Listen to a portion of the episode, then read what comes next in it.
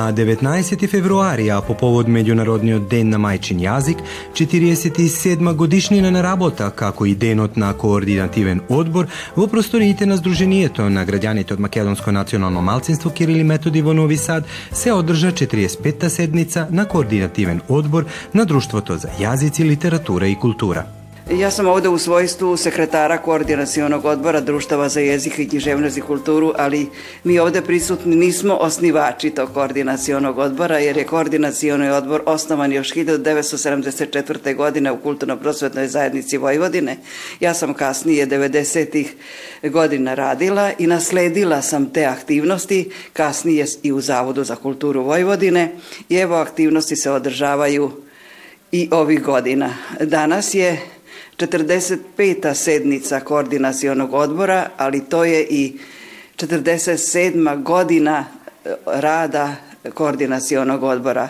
Koordinaciono odbor su tada osnovala pet društva, društvo za srpski jezik, za mađarski, za rumunski, slovački i rusinski, a kasnije se taj broj povećavao. Osnovano je društvo za romski jezik, za ukrajinski, pristupila su nam asocijacije oblasti jezika književnosti koje deluju na makedonskom jeziku, na bugarskom i na drugim jezicima, na hrvatskom, tako da je taj broj kada sam radila u Zavodu za kulturu prelazio i preko 20. Danas e, ćemo ovde, odnosno danas predstavljamo multijezički časopis Most, ranije nosio naziv multijezički bilten Most, a ovih godina je to Novi most, višejezički časopis Most koji izlazi na više od 10 jezika, 12. U njemu je e, dat pregled aktivnosti svih društava za jezike tokom godine. Evo nama je žao da zbog ovih epidemioloških uslova je tako reći smanjen rad naši i, i naše aktivnosti. Pa ovaj današnji sastanak je uvek bio samo pripreman, na primjer mi smo se svi predstavljali na sajmu knjiga gde smo predstavljali naša izdanja. Evo ja ovde imam moje malenkost, ja sam iz društva za rusinski jezik, književnost i kulturu. Ovde sam donela nekoliko naših knjiga, dakle nam je drago da obeležavamo mi iz društva za rusinski jezik 50 godina od osnivanja. Naše društvo je osnovano 4 decembra 1970. godine i mi smo stavljeni ove godine na kalendar ruskog slova. Соработката помеѓу координативен одбор и Сдруженијето е повеќе годишна и на високо ниво. Соработката со координативното тело на Друштвото за јазици, книжевност и култура трае доста долго и секоја година ние овај се состануваме поготово на меѓународниот ден на мајчиниот јазик, бидејќи негувањето и чувањето на мајчиниот јазик значи многу, бидејќи ако го сочуваме јазикот, значи овај и обстојуваме.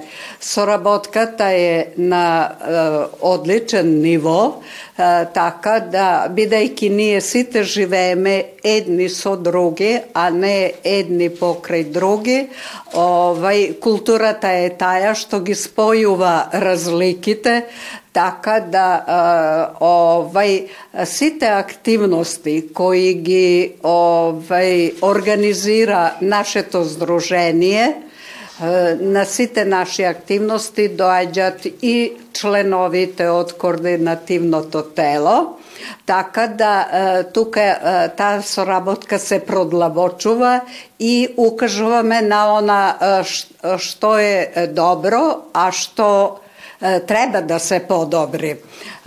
Така да бидејќи постои часопис мултијезички мост на овај координативното тело, така да во тој часопис ја и нашата соработничка Гордана Стрика ги е, објавуваме сите настани така да останува се забележено. бидејќи она што е забележено и останува за иднина. Исто така, активностите наши овај се Э, доставуваат и во нашето списание Македонска виделина, така да э, сите наши овај активности э, се забележани и тоа е една добра соработка за сите нас. Секако, голем придонес за зачувување на мајчиниот македонски јазик имаат и културните настани кои ги организира Сдруженијето Кирил и Методи. Активностите и покрај пандемијата ние најмногу посветуваме внимание на чување на јазикот, овај одржуваме работилници за, за изучување на јазикот и овај најпозната манифестација ни е денови на македонската култура, што значи не ја прекинавме ни минатата година, иако беше овај пандемијата баш доста голема, па ние овај го померивме терминот бидејќи деновите ги одржуваме во мај, а минатата година ги померивме за септември, бидејќи во септембар имаме доста ovaj važni nastani kako što е денот на na Republika Makedonija i onda онда почетокот na e, школската godina, каде decata počnuva da, da go изучуваат svojot мајчин jazik, e, e, така da да и во септември затоа е, е одржана манифестацијата. Секако имаме и други манифестации, етно денови, денови книжевно-поетски, односно литературно-поетски денови, изложби, разни промоции на книги и секако водиме рачун да биде што помал број на посетители. Нажалост, мораме да се придржуваме на мерките кои ги спроведува владата на Република Србија. Во програмата на оваа седница членовите на координативен одбор информира за активностите во 2020 година, за програма како и за календарот на годишнини јубилеи во 2021 година. Гледате палету. Избор из емисија на језицима национални заедница.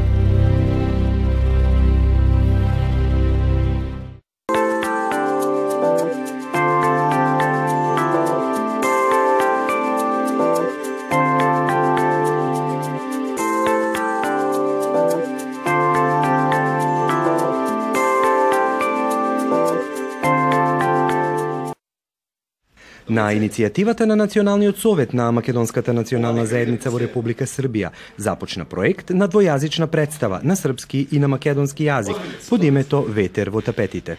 Ова време во текот на 2020 година имавме доста слободно време да размислиме какви тоа проекти, културни содржини на некој начин недостасуваат во, во рамките на културната содржина која што ја представува и промовира овде Македонската заедница. И видовме дека она што немаме веќе со години, тоа е театарската уметност, односно немаме тука своји представи на, на македонски јазик. При гостувањето на театрите од Македонија, кои претежно гостуваат во поголемите градови тука во Србија, најчесто во Белград, Нови Сад или Ниш, тие представи се по, доста посетени, ги посетуваат македонците кои што кои што живеат во тие градови, често одат и во други градови само да видат представа на, на, на свој мајчин јазик. Така да од Националниот совет преку форумот за, за млади македонци дојдовме на идеја да покренеме еден таков проект Имаме тука ангажирани млади луѓе кои што завршија факултет на драмски уметности во Скопје, така да владеат со јазикот што е што е за почетокот на овој проект беше беше најбитно.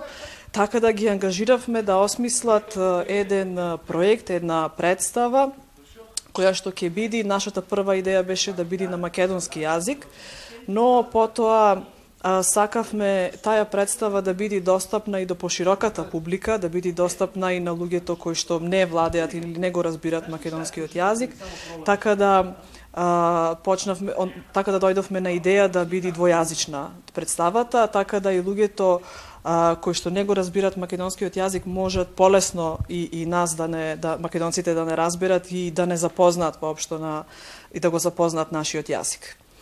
А, така да во септември месец а, почна почна работата на на на овој проект. Националниот совет како покровител на, на овој проект во текот на целата година обезбедуваше простори на форумот на, на млади македонци каде што се осмислуваше и каде што се работеше на, на овој проект. По, подната точка беше и нашата единствена насока кај глумците и кај сценаристот беше да а, луѓето кои што се македонци или кои што имат македонско потекло а, кога ќе се заврши представата или во текот на представата да почувствуваат носталгија. И тоа беше а, подната идеја. А, сето друго го оставивме на, на, на сценаристот и, и на глумците. Еве сега сме а, пред крај на, на тој процес. Наскоро ќе биде одржана и премиерата и навистина се радуваме што и во Белград и во сите градови каде што функционираат македонските здруженија ќе луѓето ќе имаат прилика да да гледат една представа и на свој јазик. Добивме повик од Националниот совет на македонско малцинство во, во Србија и го повикав мојот колега Немања Симиќ да, да, да направиме нешто. Долго време размислувавме што, како може да биде двојазична представа Просто не е доволно видена та слика дека србин и македонец може да зборуваат на, на, на, на свој јазик и да се разбираат, што е точно, што, што на своја кожа го имам сетано многу пати. А, и се најдовме една еден факт кој е кој, кој е веќе една негативна традиција, а тоа е иселување од млади луѓе од, од овие балкански простори.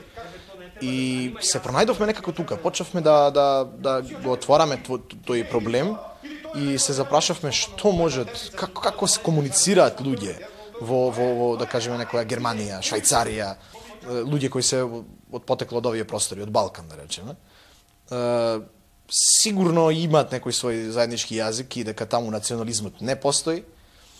Е тука ни се виде е, некоја точка да можеме да почнеме од тука, тој антинационализам, да речеме, тоа дека човек на човек се ослонува, дека човек е едно друштвено битие која која мора да мора да мора да се ослонува исклучително на на на на друг човек. Представата ја обработува темата на отуѓувањето помеѓу луѓето. Ова сериозна тема е проткаена и со хумор. Јако сум задоволен како све тече до сада. Ovaj, veliki deo posla, posla smo već završili. Ovaj, imamo još dosta toga da uradimo, ali to su već neke naše glumačke ovaj, brošure koje mi volimo da, da, da bojimo. Ovaj, ja se nadam da, da će svi biti zadovoljni ovom predstavom kao što smo i mi dosadašnjim našim radom. Tako da eto, idemo ka, ka premijeri. Sa radom na, na ovoj predstavi smo počeli već u septembru. Ovaj, s obzirom da je kolega pisao tekst, zajedno smo učestvovali u stvaranju ovog dela. Ovaj, od septembra smo krenuli, stvarali taj tekst, uh, ušli smo nakon toga u probe i evo još malo bližimo se kraju. Ovo je pre svega jedna priča o otuđenosti, o otuđenosti ljudi. Uh, priča o dva mlada momka koja su se igrom slučaja našla u jednoj strani zemlji, osuđeni jedan na drugoga, ali to ne žele da prihvate i njihova borba jednostavno za, za nekim boljim životom. E, naravno, kroz to smo provukli elemente komedije, elemente drame. Trudili smo se da jednostavno što više, što detaljnije negde prikažemo život mladih u inostranstvu. Trudili smo se da, e, s obzirom da kolega tečno govori makedonski, ovaj, želeli smo da, da prikažemo ovaj, mentalitet ljudi koji svi misle da je toliko različito, u stvari nije. Ovaj, I na taj način smo pokušali da, da, da, da prikažemo um, kako ta jezička barijera za koju se svi prvo uhvate i misle da je nešto što je nepremostivo, u stvari nije. E, dvoje ljudi apsolutno mogu da govore dva različita jezika, bilo koja, i da se apsolutno razumeju i da, da zajedno žive i stvaraju neko bolje sutra. Подготовките се во тек од септември минатата година, а премиерата се очекува на крајот на месец март. Создадовме двајца ликови кои се еден е од Србија, еден е, еден е од Македонија. Избегавме малце од стереотипи на тоа што представува кој карактер. Та, ете, пак ќе се вратам на таа на, на таа двојазичност, на таа на тоа разбирање едно кое постои, ама за жал тие се разбираат само на само по прашање на јазик. Се друго отуѓени се од од своја земја, отуѓени се од своји роднини, од своји мили и драги, живеат во во во во земја каде што сака да створат нешто, да избегаат од финансиски проблеми, од се во своји 25, 6, 7 години и тоа ги отуѓува. Та мака која ја носат ги отуѓува еден од друг. Ги отуѓува од себе и, и едноставно работат против себе, а не можете еден без друг. Македонскиот национален совет ја забележа потребата на националната заедница за представата на македонски јазик. Балка некако поврзан со комични елементи. Ние од, од, од, од сите, како да кажам, страви и ужаси тука знаеме да излечеме нешто што е што е што е комично на граница со абсурд, ама имаме, тоа е некој одбрамен механизам кој се браниме. Некој во тие комични елементи може да види и може да ги согледа и некако драмски, трагично. Ама секој гледа како, не може да кажам како сака, ама ако ја објективно ја гледате представата, тоа тој таа насмевка, тие комични елементи знаат многу да да да печат, да болат. Проектот е поддржан од Министерството за култура, Фондацијата за отворено општество и Националниот совет на Македонската национална заедница во Република Србија. Гледате палету. Избор из емисија на језицима национални заедница.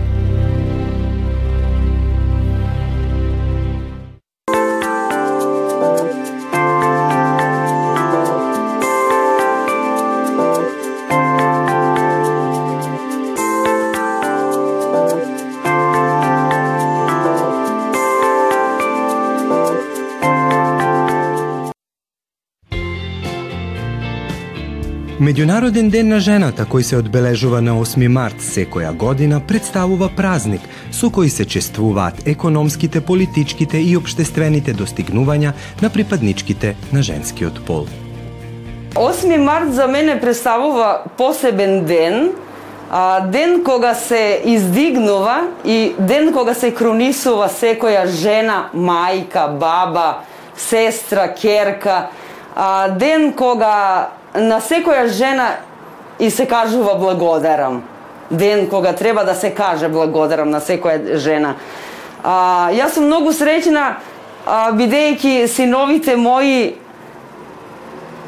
кои веќе не се мали деца, има 24 и 22 години, секој 8 март а, тие ми по, подаруваат по еден цвет како знак за благодарност што сум се грижела за нив и што сум и мајка. Поради тоа не е доволен само еден ден во годината, само тој 8 март, за да се искаже таа благодарност на секоја жена што ја заслужува. А, има многу жени кои работат, кои сами се грижат за своите деца. Треба секој ден некој да ги подсети дека постојат и дека се благодарни. А, секој ден мислам дека жената треба да се освојува, не мора тоа да значи со некои скапи подароци. Доволно е едно внимание. Секоја жена заслужува големо внимание. А секоја жена е, што викаат, столб на куќата. Секоја жена се грижи и се бори за своето семејство. Но за жал не е така секој ден. Па ете, мислам дека 8 март е идеален ден да и се покаже на една жена колку е посебна и колку е вредна. Причина поради што се зема токму овој ден се низа протести и демонстрации кои ги организира жените вработени во текстилната индустрија во Њујорк 1857 година. Искрено да, да ви кажам, јас мислам дека цвеќето некако најмногу го символизира 8 март. Цвеќето и чоколадата по мене су се најубав поклон. Еден цвет е доволен да, нели реков, да се искаже и благодарност и и, и љубов и се и дека тој ден е наш. Доволен еден карамфил или една роза. Сега има луѓе кои и повеќе купуваат, купуваат кошници со, со цвеќе, купуваат и орхидеи, ама ете, еден цвет е доволен да се обележи тој ден. Пандемијата на COVID-19 даде големи ударци на економијата. Секако погодени се и цвеќарите. Пандемијата предизвикана со вирусот корона не зафати и нас цвеќарите. Нашата работа во што се состои? Не, не се организираат еве веќе цела година од минатата година од март месец не се организираат веселби, свадби, родендени, нема, на пример сега и на погреб кога се оди, нели, одреден број на луѓе одат, па како работиме, ние тогаш го доставуваме цвеќето. На слава исто кога се оди, нели, на домакинките им се поклонува цвеќе. Сега оваа година и, и за слави немаше работа, ама ете што да ви кажам, јас искрено се надевам дека брзо ќе помине и пандемијата, па да, малку да се вратиме во нормалниот живот, да отидам во Македонија, да отидам во Скопје, многу сакам. Би сакала и цела Македонија, ете, да, да ја прошетам. Ако е 8 март, ден кога се истакнуваат значајот и успехот на жената, тогаш најголемо достигнување на едно општество и фамилија – е да се гледа задоволна, насмеана и успешна жена. Сакам да искористам оваа прилика да ја поздравам мојата сестра Гордана, која живее во Ужице. Сакам да им го честитам март, 8 март на сите жени низ целиот свет, на сите мои македонки во Македонија, на сите македонски девојчиња. Среќен 8 март!